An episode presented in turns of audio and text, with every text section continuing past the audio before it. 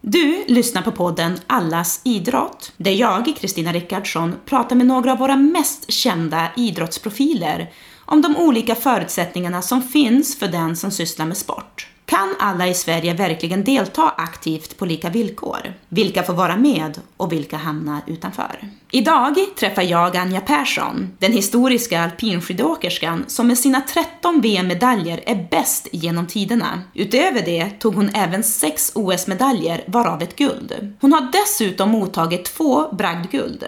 Vi pratar om skadorna och om hur man kommer tillbaka och vågar. Men också om vikten av det svenska föreningslivet och hennes egen roll i det. Hur skulle det låta om Anja själv fick sammanfatta sin karriär? Ja, det är ju en väldigt målmedveten karriär där mm. ingenting egentligen kunde vara ett hinder på vägen. Liksom att det fanns bara åt ett håll och sen så hittade vi lösningar hur vi ska ta oss dit. Och sen på vägens gång så förändrades ju målbilden såklart. Eh, beroende på vad jag uppnådde och, och eh, vad jag kände mig motiverad att, eh, att försöka liksom, erövra och sådär. Och eh, jag var nog duktig på att hitta målsättningar som gjorde mig väldigt inspirerad och driven. Hur gjorde du det? Dels fanns det en enorm drivkraft att vara bäst i världen på alla sätt och vis. Eh, jag var alltid nyfiken på all idrott som fanns när jag var yngre och sådär. Eh, kanske inte behövde liksom vara bäst i klassen på alla saker men jag ville vara duktig på det. Um, oavsett vilken sport jag än testade på så var jag nyfiken på den. Mm. Så jag vet någon gång i högstadiet så fick vi två handbollsspelare som spelade i, liksom i proffsklubb som var uppe och gjorde någon praktik och jag blev helt fascinerad av handboll. och lärde, försökte lära mig allt jag kunde under de där två ja. veckorna med de tjejerna och sådär. Så att jag var alltid liksom så här, allt som hade med med sport att göra. Men sen så när jag liksom insåg att jag var väldigt duktig på skidåkning eh, så tog jag ett mål så, så hittade jag ett nytt. Ja. Så liksom, vann jag det ena så ville jag ha det nästa och nästa och nästa. Och jag förstod såklart att det var en lång väg att gå men samtidigt var jag aldrig nöjd. Många kanske var nöjda när de fick på sig landslagsjackan. Jag var inte nöjd då. Jag ville byta jacka till A-lagets jacka ja. och så vidare. Så jag ville aldrig stagnera. Um, så att fram tills jag vann min första världscupseger så var det bara en rak liksom, stege som jag skulle klättra upp för. Uh, och det var väl när jag vann min första världscupseger som jag egentligen första gången liksom planade ut och hade lite svårt att hitta hur jag skulle göra efter det. Men på vägen där, jag tänker så här, jag har ju hållit på med friidrott och jag, kom, alltså, jag har inte varit på den, i närheten av den nivån som, som du har varit på. Men det är ju väldigt mycket träning. Jag minns att jag hade ju elva pass i veckan när jag gick på friidrottsgymnasiet. Och det är mycket man får, får offra också för, för sin idrott och sin karriär. Har det känts, hur har du känt kring det? Kunde du känna det då när du, när du hade ditt sikte? Jag offrar så mycket. Nej, jag hade egentligen bara sikte på en sak. Jag såg allt det andra som hinder egentligen. Um, men jag tror också att det är svårt att sätta sig in i min situation när du kommer från en liten by där Ingemar Stenmark liksom, uh, kommer ifrån. Att det är skidåkning som gäller. Och har man en viss talang alpint så är det man följer. Och ja. min pappa var tränare, inte för mig när jag var yngre, men, men för landslag åt alla håll. Och min syster och alla kompisar och kusiner, ja. alla körde ju. Så det var ju som naturligt för mig. Det var ju mitt dagis. Ja. Alltså, så skidåkningen, det var ju liksom hela vår familjs liksom, grej. Um, men eh, jag tror att i och med det så blev jag ju otroligt duktig väldigt snabbt. Och jag tror redan i tio års ålder så hade jag ju liksom... Men det att du hade press redan då? Alltså så ja, men Stig Strand gick ut och... Ingemar Stenmark och allting. Ja, men Stig Strand gick ut typ när jag gick i mellanstadiet. Och de frågade honom om de visste om det kom någon i Fontärnaby framöver. Mm. Och då hade han sagt, ja men det finns en ung tjej som är väldigt intressant och som ser ut att ha det där. Och då började, jag vet att då var de ju och filmade mig på, på skolan och sådär. Ja. Och jag fick göra intervju och så. Och då var du tio? Då var jag typ tio. Redan där visste jag ju att jag var någon lite mer unikare än alla andra. Ja. Och, och, att då leva upp till det hela vägen. Men, precis, hur kändes det? Så jag tänkte tio år, du är ju ett barn. Att få den, den pressen redan då. Ja, det är klart. Men jag tror att jag också var lite udda i skolan kanske. Att jag var så himla driven på det jag gjorde. Och jag hittade liksom min hemmaplan med idrotten och sådär. Att jag kanske inte alltid funkade socialt på alla sätt och vis med de andra som liksom kollade på, vad hette det, Veckorevyn eller vad de hette, de där tidningarna. Ja, jag kollade på och det. Var så här, ja, men du vet, prata om den senaste, vad heter de, Date-parfymen och grejer. Så mm. Jag försökte väl ha intresse i det, för jag förstod att det är där man också är. Men jag var så otroligt intresserad av idrott. Och då ja. hittade jag som min hemmaplan där och min grupp där och min, min trygghet. Så jag tror att också idrotten var en min, min, det var min hemmaplan så det var också en trygghet att vara där. Och då mm. tror jag att det var också lättare att ha en drivkraft där än, än alla andra saker. Kunde du känna någonstans att, eh, att du fick eh, ett självförtroende och en självkänsla som idrotten byggde upp hos dig? Att du blev starkare som, som person? Men det är klart, alltså på skolgården, jag var räknad med på fotbollsmatcherna eller hockeyn eller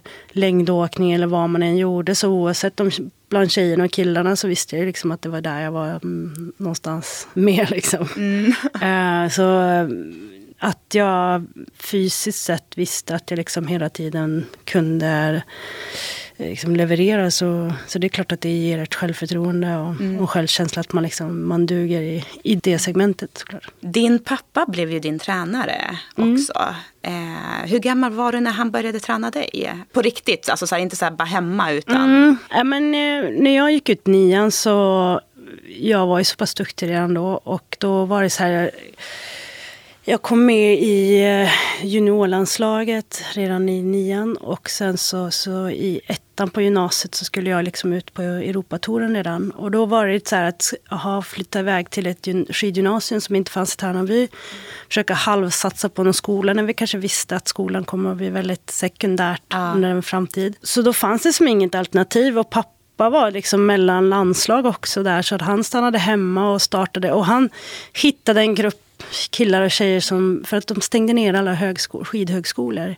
Okay. Och då var det ett gäng killar och tjejer som inte liksom, de ville fortsätta åka skidor men eh, hamnade som i kläm. Hamnade som i kläm och visste inte vad de skulle göra. Så pappa startade en träningsgrupp. Så under två, tre år så hade han en träningsgrupp med liksom elitsatsande skidåkare som var ja, 15 år äldre än mig. Galet Ja, du vet. Så här. Och sen lilla jag då som hade precis gått ut högstadiet.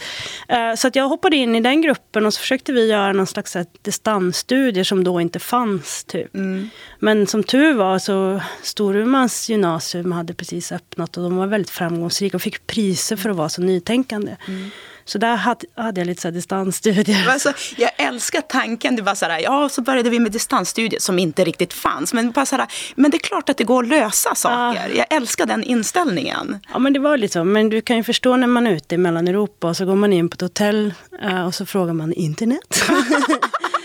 Och på den tiden, vet du, så här, att få ett modem som man tryckte in i telefonen och så förhoppningsvis så gick det att koppla oh upp sig här, 20 minuter senare. Så det var ju som en helt annan tid. Alltså de som vet hur det lät när man skulle ringa upp på linjen. Det är så här, ja, precis, det är så episka. Och bara hoppas jag kan få online så jag kan göra ett prov. Ja.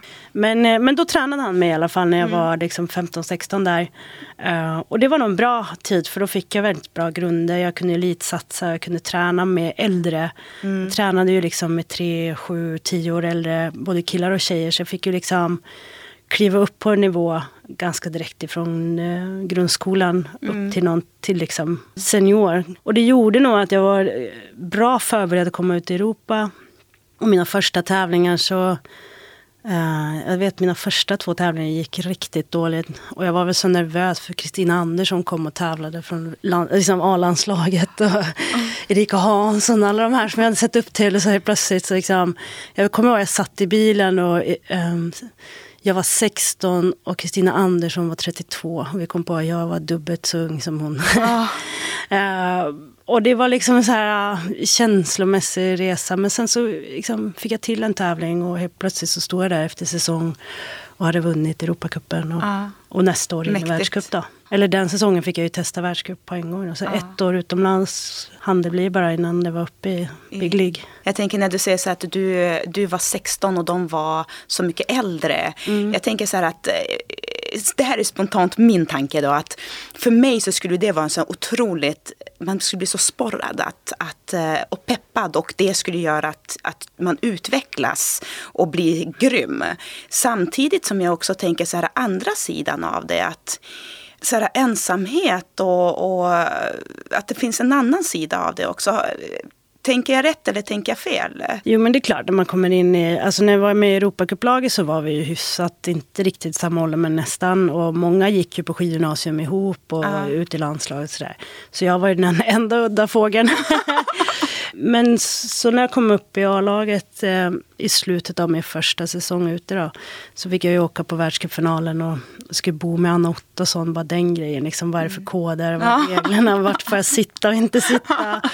Uh, och jag tror att det var liksom viktigare förr. Det fanns en helt annan rang förr. Alltså ungdomarna idag tar för sig på ett annat sätt. Mm. Men, men på ett sätt så liksom, jag skolades in med liksom, att sitta i baksätet. Man mm. bar de andras väskor. Man fick liksom, det var old school. Ja, jag uh, gillar det. Ändå ja, men jag ja. kan ändå tycka att det sporrade ju mig att komma upp och bli den där, liksom komma upp och bli alfa och bara, ja, ja men nu är det jag som bestämmer.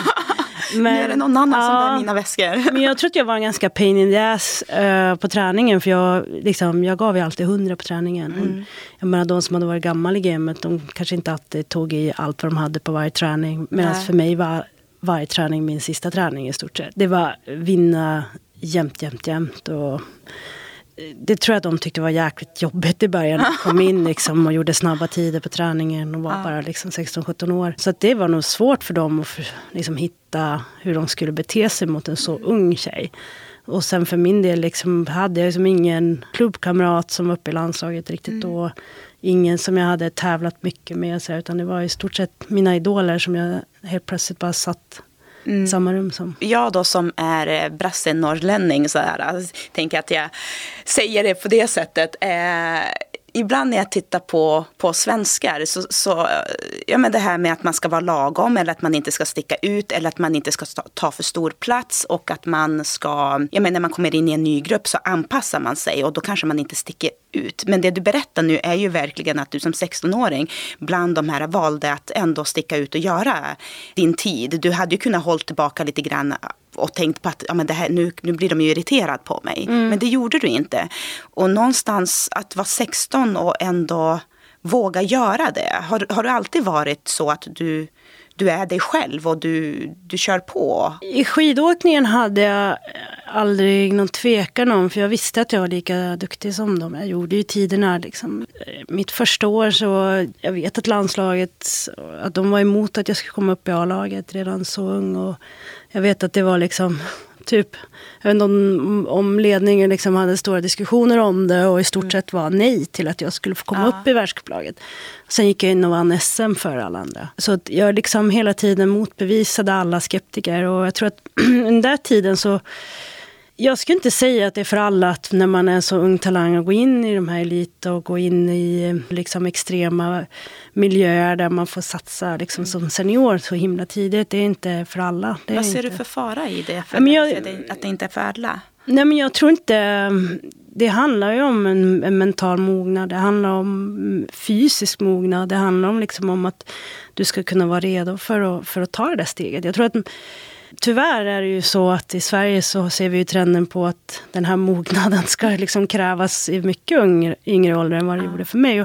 Men jag är ju liksom motsatsen också lite grann för att tänk om man, om man inte hade tillåtit mig att satsa när jag var så ung. För idag är det ju också så här lite att de, alla de här talangerna ska ju hållas tillbaka. och man ska leka länge och så. Det är jag för. Jag är för att man ska hålla på med så mm. mycket idrott som möjligt. Eh, jag gillar inte Sveriges stängda miljöer nu i idrott. Jag vill att man ska öppna upp och mm. att man ska kunna hålla på med massa olika sporter så länge som möjligt. Det hade jag velat göra. Mm. Men jag kom från en by där det var 36 mil till mina hemmamatcher i fotboll. Så jag hade som liksom... Du bara, pappa körde mig. ja, men lite. Alltså jag, jag spelade ändå fotboll så länge jag kunde. Men, mm. men jag förstår ju dem i laget liksom att när jag bara var med på alla kupper för att jag kunde liksom inte vara med på veckor och helger alla gånger. Um, så kunde jag inte fortsätta. Men, men det som har hänt är, alltså, hade man då inte litat på mig att jag klarade av det, att jag, mm. liksom, hade man man släppte mig ju fri att kunna satsa och våga. Mm. Um, det där är ju som dubbelt. Hade folk liksom hållit igen mig för att jag var den här talangen, ja. för att jag inte skulle skadas mentalt eller fysiskt ja. eller någonting. Då hade jag liksom, då kanske inte haft den karriär jag hade. Så jag tror att många litade på att jag hade kapacitet mentalt och fysiskt. Och det tror jag att man måste vara medveten om. Ja. Att varje individ måste känna att de klarar av det. Och där tror jag många ungdomar kanske fysiskt är redo, men inte alltid mentalt redo. Ja. Och då kanske första åren i seniortiden ofta är tuff. Hur vet man när, när någon är redo för det? Då? Alltså så jag tänker att som förälder, man vill ju sitt barns bästa oftast. Ju, tänker jag mig att mm. det är naturligt som förälder att man vill det. Och någon som är ung, alltså hur, hur, hur vet man när de är redo, när ens barn är redo att ta det där steget eller inte om man nu har ett, ett, en talang hemma? Jag tror att man vet, eller har man lite sunt förnuft så, mm. så vet man nog.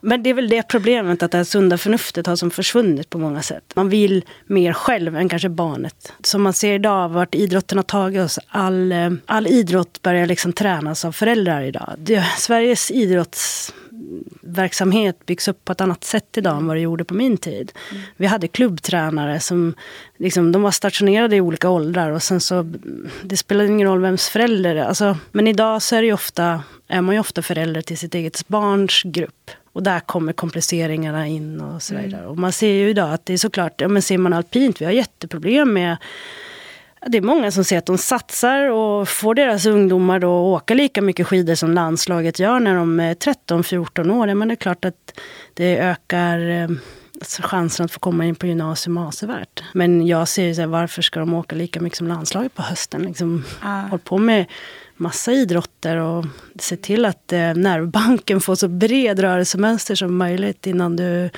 innan du smalnar av dig själv. Sen är elitsatsande på ung ålder och liksom, där är också att ta in vilka influenser man har, vilka mm. tränare man har och liksom kunskap som finns bakom. Jag är ju glad att jag kommer från en gedigen klubb som har en kunskap i hundra års tid liksom, av att vara i landslag och vet precis hur man bygger upp en världstränare. Mm. Så att det var ju långsamt byggande. Jag lekte otroligt mycket när jag var yngre på skidor. Alltså att stå på skidor var ju träning överlag. Sen ja. om det var i lek i skogen eller om det var i käpparna, det spelade som ingen roll. Nu har vi gått ifrån att kidsen typ aldrig åker i skogen och bara åker i banan. För det, man ska maximera tiden på skidor. Mm. Tycker du någonstans att det kan ha blivit så här äh, att det är för mycket? Att vi pushar våra barn för mycket på det sättet? Nu, nu pratar jag bara om, inte, inte allt annat i livet, utan bara idrottandet. Att, att det blir så här att man tar det roligare ur idrotten för barnen. Och att man kanske riskerar att ens barn istället lägger av helt och vill inte hålla på med någon idrott alls. Alltså jag tror att livspusslet har blivit svårt svårare att få ihop. Och mm. därav tror jag alla komprimerar och man gör mycket mer kanske vad man gjorde tidigare. Sociala medier, det är så otroligt många faktorer som har kommit in i samhället idag än vad det gjort tidigare. Så jag tror inte man kan pinpointa en sak hur man ska göra. Utan jag tror att, ja men ta det här ideella arbetet som har funnits förut i klubbarna som ja. kanske inte finns idag på samma sätt. Eh, jag känner, det är så här, superglad när, på orienteringen nu när vår son går. När det kommer in pensionärer som har varit där från början. Ja. Kommer tillbaka in och lär oss, eh, föräldrarna. De bara, ja men vi tänkte att ni ville lära er hur man orienterar, inte bara era barn. Och så. Ja. Det ideella tänket och det här bjuda på. Det var fint. Det, det är det, det fina det, och det är det jag minns när jag var yngre. Liksom, att det spelade som ingen roll om jag inte, alltså, mina föräldrar var ju där på tävlingen och stöttade upp som funktionärer även om inte jag tävlade. Mm. För att det var det man gjorde, man ställde upp för sin klubb. Man hade mer tid för att man faktiskt hade... vara närvarande med sina barn och med, med, med sam, alltså i samhället också än vad vi har idag. Absolut, liksom, och jag tror att eh, samhället går ju ja, två, tre timmar snabbare än vad det gjorde då. Ja. Eh, per dygn. Så att jag tror att det, har, det är så många faktorer som spelar in. Men jag hoppas eller i alla fall som i mitt föräldraskap så försöker jag ju liksom ta tillvara på det där som jag lärde mig och fick med mig. Och kanske liksom se till att jag blir den som visar våra barn att mm. ideellt arbete och att man liksom skapar gemenskap och minnen. Och... Mm. Hur gör du det ungefär? Har du några sådär, jag tänker så här, alla föräldrar som sitter och lyssnar nu bara, Åh, men hur kan vi göra det här då? Vad har du för tips då? Nej men alltså man kan ju vara med, alltså, all, man kan göra alltid någonting liksom. Mm. Om det är i skidbacken, om man inte kan någonting. Men man kan stå med en radio och säga att det är klart i banan. Eller, ah. Alltså som hjälper tränarna att få den här um, tryggheten i backen. Eller att man bara bär några käppar. Eller i fotbollen liksom, att man ställer sig i mål så låter ungarna skjuta. Vi, jag är tränare till en av, av våra pojkar. Och jag ser till att alltid vara lite tidigt så mm. det ligger bollar ute på fotbollsplanen. så att, ja, och då hoppas jag liksom att både föräldrar och barn går tillsammans och spontant sparkar ja. boll. Alltså, eh, skapa den här gemenskapen. Att det inte så, behöver inte... För tyvärr är det väl lite så att det känns som att ja, men börjar man engagera sig känns det som man får hela liksom, budgetboken ja, på sig. Ja, men Anja, ta det här. Ja, men lite sådär. Och, och, ja. Jag tror att man liksom måste hitta den känslan att...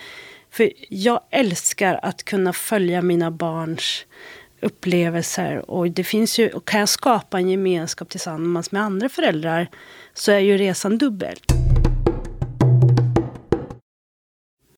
Någonting som jag alltid så här, tänkt, och speciellt när man står där och ser det live, inte bara i tv. Mm. Shit vilken hastighet! Mm. Och när man sett dig åka ur, och du har ju skadat dig flera mm. gånger. Alltså hur, har du någonsin varit riktigt rädd? För jag har varit rädd när jag sett dig alltså, åka. Jag bara, Anja. Ja, men, men det är väldigt härligt. Man, att få publiken rädd, det är det bästa, för då får de en bra upplevelse. ja, men... skräck, skräck, eh, ja, det är här blandad. blandad. Ja, Nej, men, ja, får man chansen så upplev alpinskidåkning på plats. För att det är en helt annan upplevelse. Mm. Du ser ju inte hur brant det är på tv. Eller hur isigt det är. Hur kallt det är. Eller, och det blir ju ofta en bra stämning. Men eh, ja, jag, jag har skadat mig mycket. Jag har dragit på mig mina smällar. Men jag kan inte säga idag att jag... Jag kanske inte är helt skadefri samtidigt som jag känner att eh, det är väl positivt i den bemärkelsen att jag alltid måste hålla mig i ganska bra form. För ju, som nu är jag ganska ur form och då har det direkt ont. Liksom. Du är ur form nu? Ja, nu Ja, du ser jättemycket ja. Ja, så nu är jag lite så här, jag kör så här halvårsformer. Jag liksom går ur form en halvår och sen är jag i form.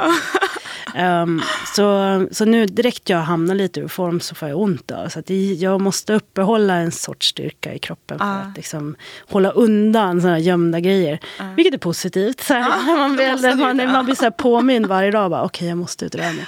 Uh, men jag skulle säga att jag är stort sett skadefri. Det är klart att jag har mina grejer. Det är någon nervskada här och lite så. Men jag har klarat mig väldigt, väldigt bra.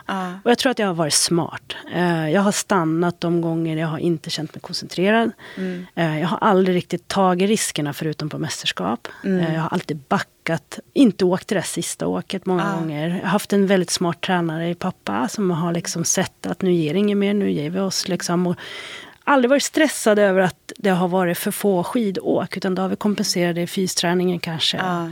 Så att när många landslag kanske låg i dimman och bara liksom skulle göra tjejerna tuffa mm. och så här, och så går ett korsband. Och det har vi upplevt flera gånger. Jag, vet, jag, jag kommer aldrig glömma ett ställe vid Österrike. För då var pappa tränare för hela landslaget. Och vi var där och skulle köra storslalom inför världscuppremiären. Vi hade haft dålig träning innan. Och så kommer vi upp och så är det bara så här bottenlöst nästan. blir vallar och det börjar komma en dimma. Jag tror jag åkte ett och ett halvt åk och bara kände det här är skitläskigt. Mm. Och österrikiska tränarna bara dunkade på sina åkare. Och så uh. en av deras största stjärnor drar på ett korsband då, uh. två åk senare. Medan vi bara liksom smågled och tränade balans för pappa uh. avbröt och sa tjejer, vet du, det är inte värt det. Så himla klok pappa, alltså ja. så himla klok tränare. Och han är en sån, han vågade liksom göra saker som, han, han var inte mainstream på något vis. Och han vågade alltid liksom stanna upp. När, han var aldrig girig. Liksom. Och väldigt prestigelös. Liksom, att han, ja, man kunde erkänna när han gjorde fel. Eller han kunde erkänna liksom, att det här var inte bra, vi måste göra något annat. Och mm. Hela tiden förnyade sig. Så på det sättet så klarar jag skador väldigt mycket. Jag kanske många gånger tyckte att jag kunde träna mer än vad han tyckte att jag skulle göra. Har du någonsin, alltså efter någon av dina större skador, alltså jag, jag har ju sett dig glida ur och åka. Alltså mm. det, har du känt så här, när du har ställt dig på startlinjen igen och ska köra, har du någonsin känt att shit, vad håller jag på med? Ja, men dödsångest, det har man. Det är någonting som man hela tiden brottas uh. med. Uh, har du inte det så är du en risk för dig själv ja. i stort sett. Att, ja, för det är lite det jag tänker. Det var, det var faktiskt den tanken jag mm. hade. Att, Men det finns ju gånger när det är värre än andra gånger. Det är klart att eh, liksom Ja, du kan, om du träffar Frida Hansdotter någon gång så kan du fråga henne om hennes störtloppskombinationsdebut där hon liksom har dödsångest. Och jag kommer så väl ihåg när jag också hade det på exakt samma tävling. För det är ett hopp där som är, man tror liksom att man ska landa plattlandning och bara dö. Ja. Äh, men man gör ju inte det. men, äh, men, och, det och det spelar liksom, jag kommer ihåg att jag satt och berättade för henne, jag bara, vet du vad, jag ska säga det, det är ingen fara. Du kommer åka liksom promenad, liksom fart över. Så det kommer bara dutta över. Du kommer inte hoppa långt. Det kommer inte bli... Men jag sa också det, men jag vet att det spelar egentligen ingen roll vad jag säger. Nej. Du kommer ha känslan ändå att du kommer ah. dö. Ah. Men du måste bara kliva över den. Liksom. Den tröskeln. Mm, och, då, och det där är ju liksom... Um, när man står på startlinjen och riskerar livet så handlar det ju om att hela tiden ta en riskbedömning. Och där är det ju, hur mycket risk vågar du ta? Mm. Sen kan du ju alltid aldrig påverka vad slumpen säger att mm. det ska hamna. Liksom. Helt plötsligt, alltså, det är ju utomhus, det är yttre omständigheter ja. som kan göra att det går åt skogen. Och det är ju någonting som du måste acceptera om du ska vara störtloppsåkare framför allt. Mm. Uh, och det accepterade jag väldigt tidigt och kände att ja, men det som händer händer, det är redan förbestämt. Men det du kan kontrollera, det gör du? Ja, jobb. den riskbedömningen måste jag ta och kontrollera hela tiden. Mm. Och det är det vi gör. Jag tror man har missat i Sverige att kanske förstå hur mycket vi förbereder oss. Mm. Um, hur minutiöst det är. Mm. Uh, om man tänker Formel 1, att de har två, tre träningar innan och sådär. Och man mm. förstår att det är millimeter, det är detaljer som twistas. Så är ju alpint också. Vi har två, tre träningsåk i samma bana. Vi drar och twistar i, mm. i linjen, i skidval, i millimeter på pjäxor och så vidare. Tills vi får det rätt. Och då gasar vi fullt. Gud vad härligt att höra att, så här, att det finns ett väldigt bra risktänkande. Nej, men jag hoppar fallskärm ju. Och eh, många tror, som, i alla fall som jag pratar med, så är det många som tror så här, ja ja men det är typ så här adrenalin-junkies bara mm. och de som verkligen ja, inte är rädda om sina liv eller någonting som, som gör det. Och så Fast det är ju ett otroligt risktänkande mm. eh, och eh, säkerhetstänkande kring, eh, kring fallskärmshoppning. Och framförallt så här, de människor som inte tänker som du tänker. Så här, att, att man vet om att det här är det som, som, som jag gör nu. Det här kan gå fel. Mm. De får ju inte hoppa. De får ju inte börja hoppa. Nej. För att de, det är ju de, precis som du säger, det är de som blir farliga för sig själv. Ja, men jag har stannat. Jag ledde en startup-tävling som jag brukade vinna. För jag stannade inför ett hopp, för jag var inte där. Ja. mentalt inte där alls, på, av massa olika konsekvenser som hade hänt. Men, men så, så stannade jag upp och min tyska tränare står liksom, möter hans blick. Vad i helvete? men jag sa bara, jag är inte här. Och då, och då vet jag, då var risken så stor att jag skulle göra, sabba mig någonstans. Och då ja. var det inte värt det liksom. Jag tror att det är svårt för folk att förstå hur svårt det är i en tävling. Och i en sån stor tävling, nu har inte jag varit det, men vid små tävlingar i alla fall. Att, så här, att, att göra det, att ta mm. det beslutet där och då. Förstå hur, typ, hur klokt, moget och smart det är att göra det. Och jag tänker att i livet, vi kör ju som bara på ibland. Mm. Och att, alltså, att bara stanna av och bara, men du vänta nu, jag är inte här. Det här är inte det här, är inte, det här inte, kommer inte att vara bra för mig. Det finns en stor risk att det här går fel. Mm. Inte bara inom idrott utan inom annat i livet. Mm. Att vi inte är riktigt bra på att göra det. Det är svårt. Jag menar det var svårt där då också när jag stannade upp. Jag menar två minuter, eller två sekunder senare så hatade jag mig själv för det. Ja. Men där då visste jag visste ju någonstans att det var rätt beslut. Men ja. jag hatade ju ta säkra beslut i sådana lägen. Att man gjorde ett säkert val för man visste att det här var en risk som jag inte ville ta. Samtidigt så efteråt när man ser att man ledde så är det klart, vad fan körde du inte för idiot? men, men, men jag tror allmänt som jag tror att jag aldrig varit rädd för att misslyckas. Uh, jag kastar mig hull och hår in i allt. Liksom. Um, och i en vetskap att på något vis så löser jag det. Mm. Sen om jag inte löser det, ja då, då får jag prova igen. Varför är du inte rädd för att misslyckas? Jag tänker det är en sån här grej som... Ja, men vad är det värsta som kan hända? Ja, jo, men, och det är ju en väldigt klok fråga. Ju. Så här, egentligen, vad är det värsta som kan hända? Ja, du får en massa lärdomar som du sen kan använda dig av. Så, så det är ju bara positivt egentligen, om, om man vänder på det och mm. tänker att misslyckandet är egentligen inget, inget misslyckande. Och det ser jag väl mer och mer på ungdomar idag. De är helt livrädda för att misslyckas. Mm. Um, att på träningen liksom tycka att man... Alltså man har blandat ihop det väldigt mycket när jag jobbar med ungdomar idag. Att man blandar ihop misslyckandet med att man är en dålig person. Att det, det har blivit... Ja, men om du tänker på hur de lever idag så är det ju hela tiden prestation. Det handlar om att de får till sig att de lyckas inom spel, det är sociala medier. Det är, de matas ju in med att de kan väl belönas på saker och ting. Och det gör ju att man kanske inte lär sig att misslyckas alldeles för mycket för du får hela tiden en belöning någon annanstans. Och jag märker liksom ungdomar som har, jag menar, det spelar roll om det är fotboll eller något, men det är pinsamt om jag skjuter ett skott eller jag vill inte misslyckas då. Tänker om någon, alltså, det blir mycket det här att man bygger upp ett folk runt omkring. Vad ska alla tro? Vad ska alla tänka? Och det är klart, sociala medier, de har ju gett dig det hela tiden. Får jag inte likes, inte, ha, På det sättet så hade vi ju det bra på, på vår tid. Ja, absolut. Och jag tror att man, jag har ju lärt mig att, eh, jag hade ju såklart också ett folk. Mm. Vi sitter på Expressen som jag liksom där, ja, där var en hatkärlek i många år. men ja, som vi landade... Jag fick hit till slut. ja, precis. Men som landade när man själv var trygg i sig själv. Att då kunde man sätta sig ner och tjabba med journalisterna. Och, men det tog ju tid det också. Ah. För mig att hitta min balans och förstå mig själv lika mycket som alla andra. Och, och sen tänka liksom, åh nej, nu vart det den där rubriken. Åh, vad ska ah. folk tycka? Och så ah. byggde man upp ett folk som man varit livrädd för. Och, och så vidare. Och sen innan man insåg att vem är folk? Det är jag som skapar folket. Och jag tror att man måste vara ärlig med sig själv. Man måste liksom låta sig själv misslyckas och tycka att det är okej. Okay. Man är inte en dålig människa för det. Och där tror jag att jag aldrig, jag har aldrig tyckt att jag är en dålig människa. Och är jag en dålig människa och jag ser det hos mig själv, ja vad gör jag då? Jo, jag förändrar det. Mm. Jag har aldrig slagit ner på mig själv i sådana lägen. Utan då ser jag hela tiden en möjlighet att förändra någon. Jag har ju hört Filippa berätta för mig att du hatar att misslyckas. Ja. ja. Varför då? Ja, men det är just det att jag, jag är uppvuxen med att hitta lösningar i allt jag har gjort. Och om du inte hittar lösning på någonting då, då, då, då, ser du det som ett misslyckande? Eller kan, du kan inte se det som så här att va, jo men nu lärde jag mig det här istället. att man kan göra det på det här Ja men jag tror att jag kan erkänna mer och mer ja. att vissa saker kan jag inte. Men jag, ja. liksom, jag kan ju fortfarande inte baka kärleksmums i långpanna till exempel. Det kan inte jag heller. Alltså mina går åt helvete och Filippas blir bara skitfina. Och då har liksom, jag har lärt mig, men det, någonstans i huvudet så har jag någonstans i framtiden så ska jag ha revansch på den där långpannan. Mm. Men, men, eh, men jag kan också acceptera att jag är förmodligen inte bäst på det. Då, då kör jag på mina bullar istället. liksom när jag föreläser så pratar jag mycket där, våga gå ut och säga. Och då går jag ut i publiken rakt ut och säger, vet du vad?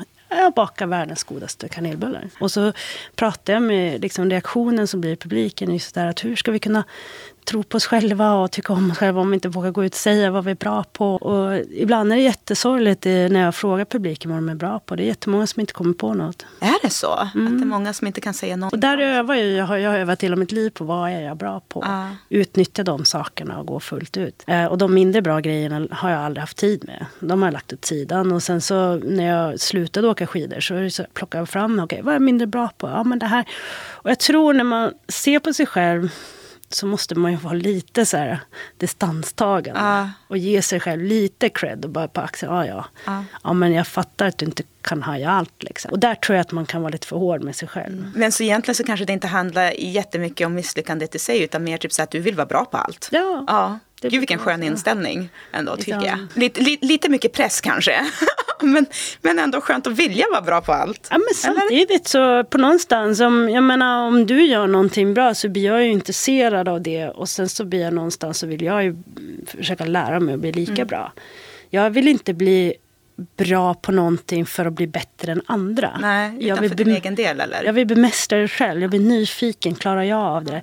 När jag blev bäst i världen och vann typ allt under en säsong så var ju jag den som blev jagad. Mm. Och då var det ju frågan hur ska jag hitta motivation att vara bättre än mig själv? Hur hittade du den? Ja, men då såg jag, utmanade jag mig själv hela tiden. Mm. Okej, okay, orkar du träna 30 dagar i sträck? Mm, det gjorde du. Ja, 40 då. Mm. Och så vidare. Utan vila. Du hade tävling, resa, träning. Alla dagar, 40 dagar i sträck och jag vann ändå fyra av sex tävlingar under 40 dagar. Ja, galet. Och då, och då är det liksom så här, jaha, vad kan jag utmana mig själv med?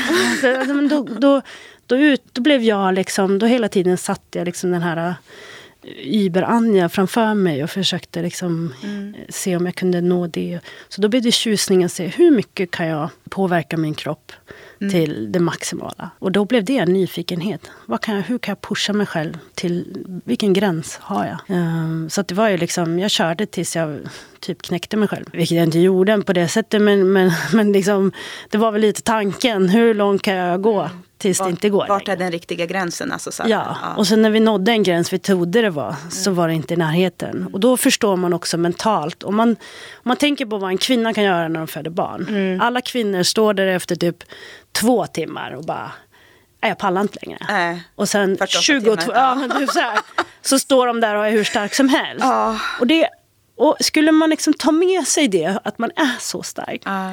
Då kan man liksom förstå lite grann att ja, men det är det mentala som jag, det, koden knäckte ja. jag lite. Att jag kände att, ja men kan jag skippa alla vilodagar? Då kommer inte kroppen, för om jag tänker så här, imorgon har jag en vilodag. Mm. Ja, jag känner mig nog lite trött, så jag ja. behöver vila. Då blev min kropp trött. Så kändes det. Så om, jag, om jag tar bort alla vilodagar kanske jag inte känner mig lika trött. Ja. Vissa dagar lite mer sliten, absolut. Ja. Men jag märkte liksom direkt jag tillät mig själv ha vila, så blev jag extremt trött. Och i min bransch, där inga marginaler fanns, så hade jag inte tid att vila. Så då tog vi bara bort det. Och sen så kände min kropp av, okej okay, idag behöver vi kanske inte köra styrketräning på eftermiddagen, Nej. vi kanske bara går en promenad. Så balanserade jag min, min fysiska vila. Liksom. Jag minns min tränare på friidrottsgymnasiet, jag höll ju på med 400 meter. Mm. Så här, syraträning, något fruktansvärt. Och, eh, jag tyckte inte alls egentligen om syraträning, det gör ju svinont. Mm. Och då sa han det till mig. Han bara, du Kristina, du ska veta att när kroppen är helt slut, när du har tagit ut dig till max. Mm. Nu pratar vi inte att vi tror att vi har tagit, utan mm. vi har tagit ut kroppen till max. Då har du fortfarande 30 procent av, alltså av det du hade innan kvar mm. att hämta. Och 30 procent är ju väldigt mycket när du känner dig totalt helt slut. Mm. Så finns det att tappa in det, men det är att du mentalt ska klara av att, att hitta det. Ja, och den nivån är svår. Det är den jag tror gör skillnad på den som... Ja, dit kommer jag aldrig kan jag säga. Ja, men det är där jag tror du hittar, det är ganska bra metafor, liksom, att det är där jag tror du hittar mm. den som blir världsstjärna ja. och vinner allt. Eller de som vinner OS-guld, ja. de som blir tvåa. Det är där skillnaden ligger. Och där tror jag, jag märkte ganska tydligt när jag jag vann min första världscuptävling när jag var 17 och sen tog det ett och ett halvt år innan jag vann nästa gång. Mm. Och innan jag lärde mig liksom hur pass mental hög nivå jag var tvungen att vara på. Mm. Och det var där liksom den här skillnaden var att man förstod att det fanns de där 30 procenten kvar och att man ja. var tvungen att nå den nivån.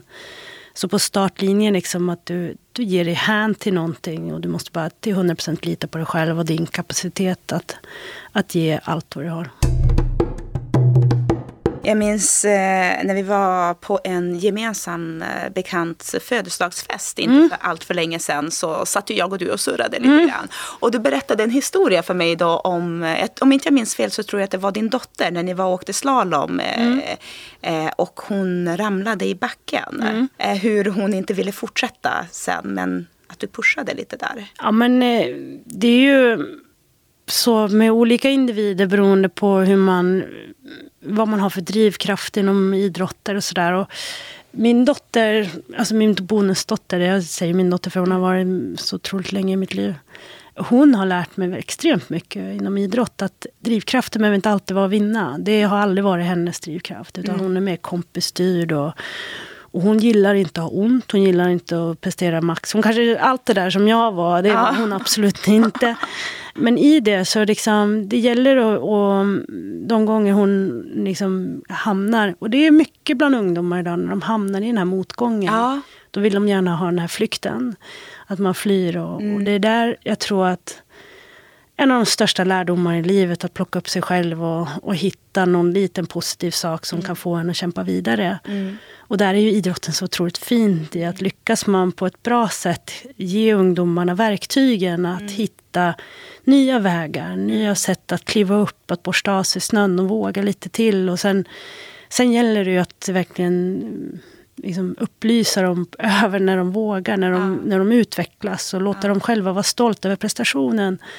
Eh, vi hade en fotbollsmatch här med, med, med min mellersta pojke där alla spelade jättedåligt. Vi var så här, vad händer? Det var ingen som spelade fotboll typ. Och alla var sura och det var bara ja. jättedålig stämning.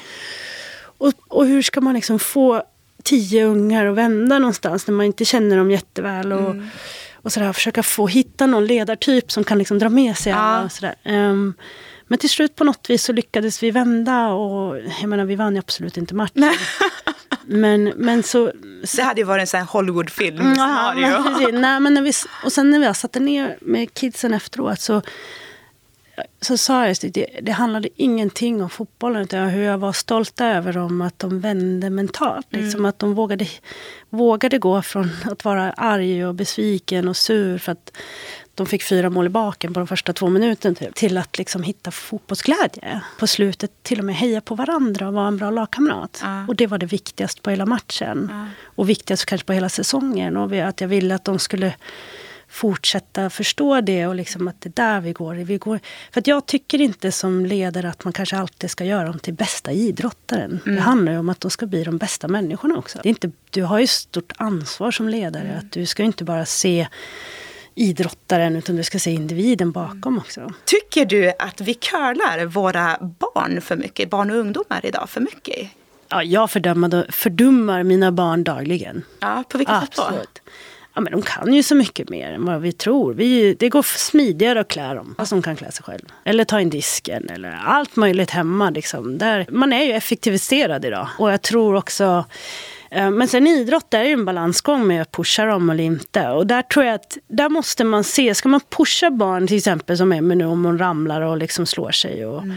och inte vill åka men vill, men jag, man, det är lite så här upp på hästen igen, ja. liksom cykla vidare. Och där är det en balansgång för det handlar egentligen inte om någonting annat än självkänsla. Och då måste man jobba på självkänslan och ingenting annat. Mm. Att våga få dem att, att våga se sig själv eh, att vad är viktigast? Ska jag stanna i backen här? Hur mår jag då? Mm. Eller kan jag kämpa hela vägen upp? Hur mår mm. jag där? Vad är viktigast för mig? och så där? För vissa gånger kanske vi måste stanna i backen och mm. det är mm. okej okay, för då har vi misslyckats och då ja. får det vara okej. Okay. Men ibland kanske man ser att det finns ett tillfälle att nej, vet du vad, jag kan borsta av mig nu. Nu mm. kör vi. Nu, jag vet du kan. Och sen där nere plocka upp det liksom när de klarar det. Eh, så det där är ju, men det där är fin, väldigt finkänsligt. Det, kan inte, det, är inte, det är ju på individbasis. Mm. Eh, så man måste ju, och där måste jag säga att min pappa har gett mig otroligt mycket ja. kunskap inom liksom hur man kan få barn att vända. Och, och så här, för, och jag, jag märker hela tiden vad jag än gör när jag är med ungdomar idag. att jag har hela tiden, Det är som min pappa som springer runt där. Alltså, mm. Jag har omedvetet lärt mig så otroligt mycket av honom. Så det... Visst var han en väldigt bra mental tränare också? Extremt. Inte bara så att det, det, man tänker sig så att ja, men han kunde mycket slalom och han kunde mm. mycket träning. Men han, den mentala biten var han grym på också, vad jag förstått. Ja, men det är ett givande och tagande i alltihopa. Han förstod vikten i liksom en ostmacka med O'boy nere ja. i målområdet. Med, ja. mamma, med mamma och, och syskon och kompisar lika mycket som han förstod att man behöver pusha sig själv och våga lite. Mm. Så den, den blandningen av att givande och tagande är att pusha lite men också ha O'boy och macka. Mm. Och det där med O'boy och macka, jag tror pushandet finns gott om idag. Det, vi effektiviserar ju allting. Mm. Men den här O'boy och mackan, det har liksom blivit min roll. Ja, och den är så viktig. ja, och jag försöker liksom, oavsett, jag märker mig själv på fotbollsplanen att jag försöker plocka upp de här individerna som ligger som en liten knut där. Och, lite här och där och försöker och liksom så här, ja men vad så roligt på träningen igår, en som var skitsur och sådär. Och, och till slut så bara, men vet du vad, jag tror inte du kan göra det där med vänsterfoten. Ah. och då blir han utmanad och så får han till en vänsterfot och jag jublar ju och så bara, du kan inte en till. Alltså det, ah. Den här omvända psykologin och sen liksom höja honom och bli stolt över det och ah. liksom sådär. Att bjuda på sig själv som tränare när, man, när det händer grejer. Det här att hitta moroten som gör att barnen lyckas med någonting och bli stolta. Och indirekt också att det där blir kommer ett litet pushande utan att de riktigt vet om det. Och är det så att, jag menar, hade hon misslyckats i sin skidåkning och hon hade åkt ner, då hade vi ju jobbat med misslyckande, att det är mm. okej. Okay. Du nämnde tidigare när, du, när vi pratade om det här då att självförtroendet och självkänsla. Och det här tycker jag är otroligt viktigt för det är ju två helt olika saker. Mm. När jag ser mig omkring, jag har ju inga egna barn. Mm. Men jag upplever, så utan att ha egna barn då, så, så uttalar mig det här, det är ju alltid lite så här risk när man gör det. Men så upplever jag att dagens barn och ungdomar har bättre självförtroende än vad de har självkänsla. Jag vet inte, så här, är, är jag... Ja, men självförtroende är bland det enklaste du kan skapa. Ja. Absolut. Det är ju bara liksom att se till att veta att du hittar någonting som du vet du klarar av och sen ja. så pushar Alltså jag kunde lura mig till... Jag kunde veta att jag lurade mig själv till självkänn, äh, självförtroende men jag fick ändå självförtroende. Ja. Alltså jag visste att pappa satte en lätt bana bara för att jag skulle känna mig ball när jag åkte. Mm. Och åkte perfekt fast jag visste att det var på en nivå som var väldigt enkel. Ja. Fast alla runt omkring bara wow, vi är så form! Och så skapade vi självförtroende. Så på alla sätt och vis liksom. De satte på min favoritstyrketräning på eftermiddagen mm. så att jag skulle känna mig stark. Och liksom, så allt sånt att skapa självförtroende, det, det, det är hur, mm. för mig är det enkelt. Det är liksom, jag behöver bara, ja men det här vet jag att jag klarar av och så gör jag det och så får jag en ja. god känsla och så höjer jag mig Be, Ja, bekräftelse det. Mm. Men kunde du känna i det där någon gång i din karriär att eh, ditt självförtroende var på topp men självkänslan var... Jag var inte medveten om att jag behövde ens självkänslan. Liksom jag hade inget behov av självkänsla för det enda min värld handlade om var ju prestationer. Och jag presterade ju. Hur blev det då när du slutade din karriär? Alltså, vart du medveten om din självkänsla då? Nej, men jag, efter VM i Åre så eller var det, nej, det var nog innan det, var innan det. Det var året innan som jag vann eh, störtloppet i Åre på finalen före Lindsey Vonn. Och sen så satte vi oss ner och sen helt plötsligt var jag tvungen att åka över och operera knät. Och liksom bokstavligen sitter i USA och får liksom svart på vitt att karriären kunde vara över dagen efter. Och sen precis hade vunnit liksom och ska ja. gå in och köra hemma-VM och bara krossa. Uh, till att liksom helt plötsligt ligga under kniven. Ah. Där jag inte kände mig skadad. Fast jag visste att jag hade ont. Och jag bara, men jag kan byta, byta ihop ett år till. Liksom. Ah. För rädslan att gå under kniven och helt plötsligt komma ut och jag hade kommit överens med min läkare att han skulle liksom göra tummen upp eller liksom så här ifall, beroende på, för jag ville veta på en gång att det gått. Uh, och det, jag kommer så väl ihåg att jag sa till dem också, vet ni vad, om ni ser att min karriär är över så får ni fan inte göra skit, så ska jag bara träna och åka en tävling till, för ni får inte, jag vill inte avsluta så här. Um, så jag var väldigt tydlig med att jag ville fortsätta på det oavsett. Då. Um, men i det läget så tror jag också att jag var rätt ut dränerad. Jag hade vunnit totalcupen, jag hade vunnit liksom, OS-guld, jag hade gjort allt det där. Uh, så det var bara slut. Mm. Och jag bara kände det som en stor sorg. Um, och mätt på mig själv. Otroligt less mm. på mig själv. Liksom. Jag hade gett så mycket under så många år till alla hela tiden. Och sen så gav jag mig själv ingenting. Och där var det stopp då. Så, jag, um, så då åkte jag hem till, till Monaco och uh, var där. Typ lite så här bröt ihop och kom igen eller? Ja, men lite. Men som tur var så hittade jag liksom mina frågeställningar ganska snabbt efter ett tag där. Men jag har aldrig, jag har aldrig varit rädd för att ha dåliga perioder heller mentalt. Liksom, för det har jag haft genom karriären. Det är inte så att det bara är solsken. liksom. Så jag hade inga problem med att ha en mörk period i mitt liv där jag kände bara fan nu är det mycket som är skit. Alltså. Och där hittade jag också mina frågeställningar. Vem är jag och vad jag har för värde? Uh, och i det så inser jag liksom att jag inte skapat någon stor självkänsla egentligen. Och jag känner liksom inte riktigt, vem är det som ger mig värdet? Liksom. För familjen räknas sig inte riktigt in i det. Och då började jag ta kontakt med lite kompisar som jag hade lite utifrån. Och, så där. och de var väldigt, och så här efter karriären och lite grann då också, de berättar ju liksom att ja men med dig var det alltid kompis till en viss gräns. Och sen stängde du. Du, du släppte som inte in Nej, in, precis. Men sen när jag väl började förstå det så, så tillät jag ju de som jag litade på komma närmare. Sen efter det så var det ju jag menar, balansgång att hela tiden ta hand om självkänslan kontra självförtroendet. Då. Om du skulle säga till eh, eh, de som lyssnar och eh, barn och ungdomar där ute, eh, om du skulle ge någon sådär, tips på hur man mm, på ett bra sätt skapar sig en, en bra självkänsla, vad skulle det vara? Ja, men jag tror man absolut inte ska vara rädd för att be om hjälp. Och sina ledare och, och små människor man har förtroende för. Mm. Och jag tror att tack gode gud för att vissa idrottare har klivit ut och berättat om att de har det tufft mentalt mm. och går, går till psykolog och bränt ut sig och gått in i väggen. Det är så himla modigt av de idrottare som ändå gått ut, som har varit stora världsstjärnor, som har liksom gått ut och sagt att det är mentalt tufft och de jobbar mentalt med. Och jag tror att det är jätteviktigt som förebilder att visa att det är okej. Okay. Mm. Eh, jag och Filippa gick ut och sa att vi gick parterapi. Mm. Inte för att vi hade dåligt. Det såg ju jag på Instagram. Mm. Uh. Och det jag tror jag att det är viktigt för att visa avdramatisering problematisera saker och ting. Ja. Liksom. Att, vi bemöter ju folk som ah, det skulle vara gött att gå och snacka. Men ja, det här skulle vi ha gjort. Alltså, ja. När vi förklarar liksom varför och hur vi har tänkt och sådär. Jag tror att jag hade ingen... Jag gick ju inte till någon mental rådgivare, men jag hade ju pappa och jag hade Micke som var min tränare och hade liksom Filippa. Jag hade bra nätverk runt mm. omkring så jag kunde prata mycket med. Mm. Men jag tror att eh, det, idag finns det organisationer, idag finns det, och jag tror bland ungdomar idag generellt, inte inom idrotten, utan alltså den mentala ohälsan som finns bland ungdomarna idag. Och det, vi prämtar ju in i våra närmsta ungdomar hemma, liksom, att är det någonting så så ring eller be om hjälp, ta en mm. vuxens mm. hjälp. Eller liksom, oavsett, hör ni någonting om någon? Liksom, det finns alltid, man är aldrig ensam. Och jag tror i sina tankar och allt vad det just i det här att man hela tiden måste prestera, fasaden ska se fantastisk ja. ut.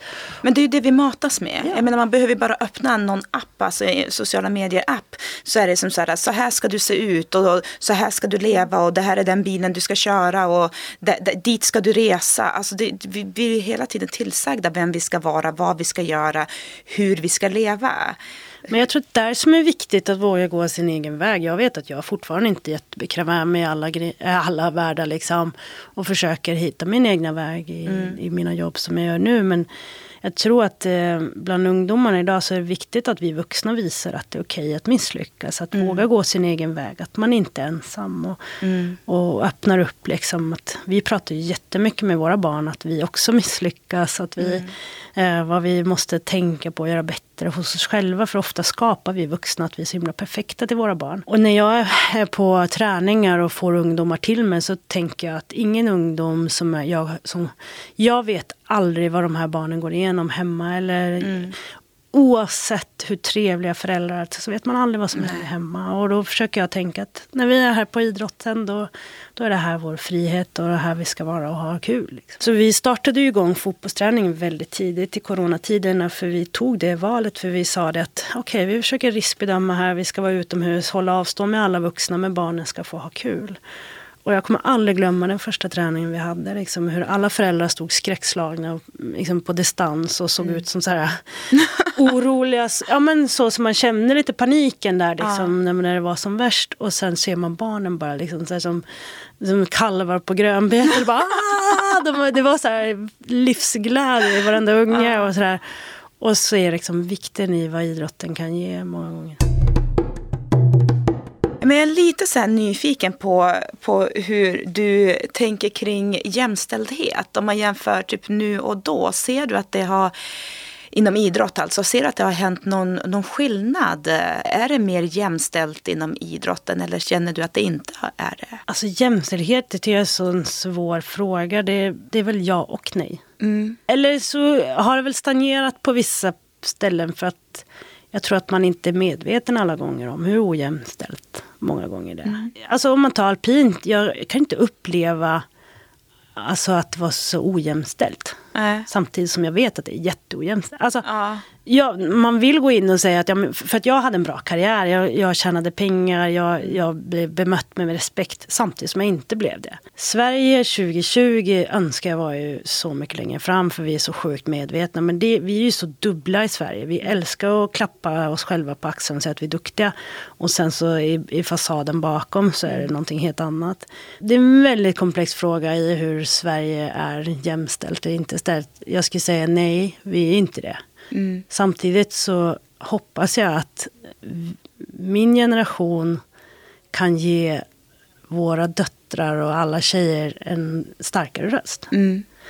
Uh, att vi skapar bättre förutsättningar. Mm. När jag var politiskt involverad i internationella skidförbundet så insåg jag snabbt att det jag ville göra kunde jag inte göra. Däremot kunde jag öppna dörren till nästa generation. Uh. Så under åtta års tid så slogs vi stenhårt för att få en röst i, inom, eh, i FISTA. För att ja. kunna vara med och få bestämma om våra egna liv. Typ. Ja. Vi hade ingen röst överhuvudtaget. Nej. Och då var jag en kille där, min ordförande och jag var vice. Och vi sa det, liksom, nu kör vi. Nu kör vi. Mm. Det här var ungefär när det var fyra år kvar. Då sa vi, nu, nu kör vi. Mm. Vi får bara skita allt och bara köra. Och sen får vi se till att när vi kliver av så har vi gett dem en röst. Liksom. Mm. Och det var det som hände. Vi vart väl ovänner med en som i politiken och var väldigt obekväm för helt plötsligt började de aktiva ställa krav. Ja. Uh, men vi lyckades så att det blev en röst mm. inom FIS. Då. Någon måste ju bana vägen och det är ju... Ja, och det är det jag hoppas. Det det är det jag hoppas att vår generation kan göra. Liksom. Det känns lite loppet kört på vissa plan. Mm. Men jag hoppas att mina barn, mina killar och min tjej, att de här ungarna ska kliva upp och vara jämställda. Att det ska vara samma respekt, lika mm. villkor på alla sätt och vis. Mm. Och, så att, men det kommer ju aldrig funka om inte vi tar vårt ansvar mot våra barn. Om du fick ge råd till idrottsministern idag, vad skulle det vara? Jag skulle inte kunna ge, jag ger nog inte ett råd till idrottsministern, jag ger nog ett råd till politikerna i Sverige. Mm. Se till att det blir eh, en idrottsminister som bara håller på med idrott. Mm. Eh, jag tror kultur och idrott kanske inte alltid går att mixa. Jag skulle vilja se en, en ren idrottsminister som fokuserar på idrotten. Det är en av vår största rörelser ja. vi har i Sverige. Hur viktigt skulle du säga att idrott är för barn och ungdomar, eh, för deras framtid? Och för samhället också faktiskt. Jag brukar ta en historia om när man ifrågasätter kanske OS och lite sådär. För det har ju varit mycket kring OS och mm. vad det är för rörelse och eh, det har varit mutskandaler och mm. Men samtidigt så som liten när du växer upp och drömmer att få ta ett OS-guld. Mm. Den drömmen är så otroligt stark. Och det är något som jag har drömt om sedan jag var liten. Den här, och det är en liksom, mystisk känsla som alla som har varit på ett olympiskt spel får känna och får mm. vara stolta och delta i. Och det är liksom en... Det är någonting som, som berör en för resten av livet. Det blir som... Skulle man ta ifrån ett litet barn den drömmen så mm. tror jag vi ska haft ett helt annat samhälle. Mm. Jag tror till exempel, ja, men tar man i de här tuffa orter som um, man kanske skulle ha valt liksom en mer våldsam del. Fast mm. idrotten har guidat dig till annat. Det finns ju hur många sådana historier ja. som helst. Så jag tror att idrotten... Jag skulle aldrig ha varit så kittad med verktyg som mm. jag är då. Jag märker ju dagligen hur mycket jag använder mig av saker som jag har lärt mig i mm. idrotten. Mm. Absolut. Så att den här drömmen om liksom, och jag tror inte vi får vara rädda för att låta våra barn drömma om att få vinna. Och ja. hela den känslan, för den är jättehäftig. Och att vi får behålla den här känslan av ett OS-guld. Ehm, att få den drömmen sann, det är ju det är svårt att beskriva hur, hur viktigt den har varit. Jag upplevde en fantastisk idrottskarriär. Mm. Eh, från att jag var typ fyra års ålder kanske. Mm. Och, och den familj som det är. Ehm, jag kanske inte träffar mina landslagskollegor liksom var och varannan dag. Utan, men har jag inte träffat dem på fyra, fem år. Så när man ses så är det som familjen igen. Det är en familj och jag hoppas att väldigt många, eller de flesta får den upplevelsen att de... Mm, känslan av familj. Ja, och känslan av att vara med i något större. Mm. Och, sådär. och det är ju det idrotten kan ge många gånger. Och det här med att misslyckas och ta sig upp igen, det är ju en jättebra lärdom och den är ganska enkel att hitta inom idrotten. Underbara Anja, mm. tusen tack för att du kom till, eh, till oss idag. Eller till mig. det var så.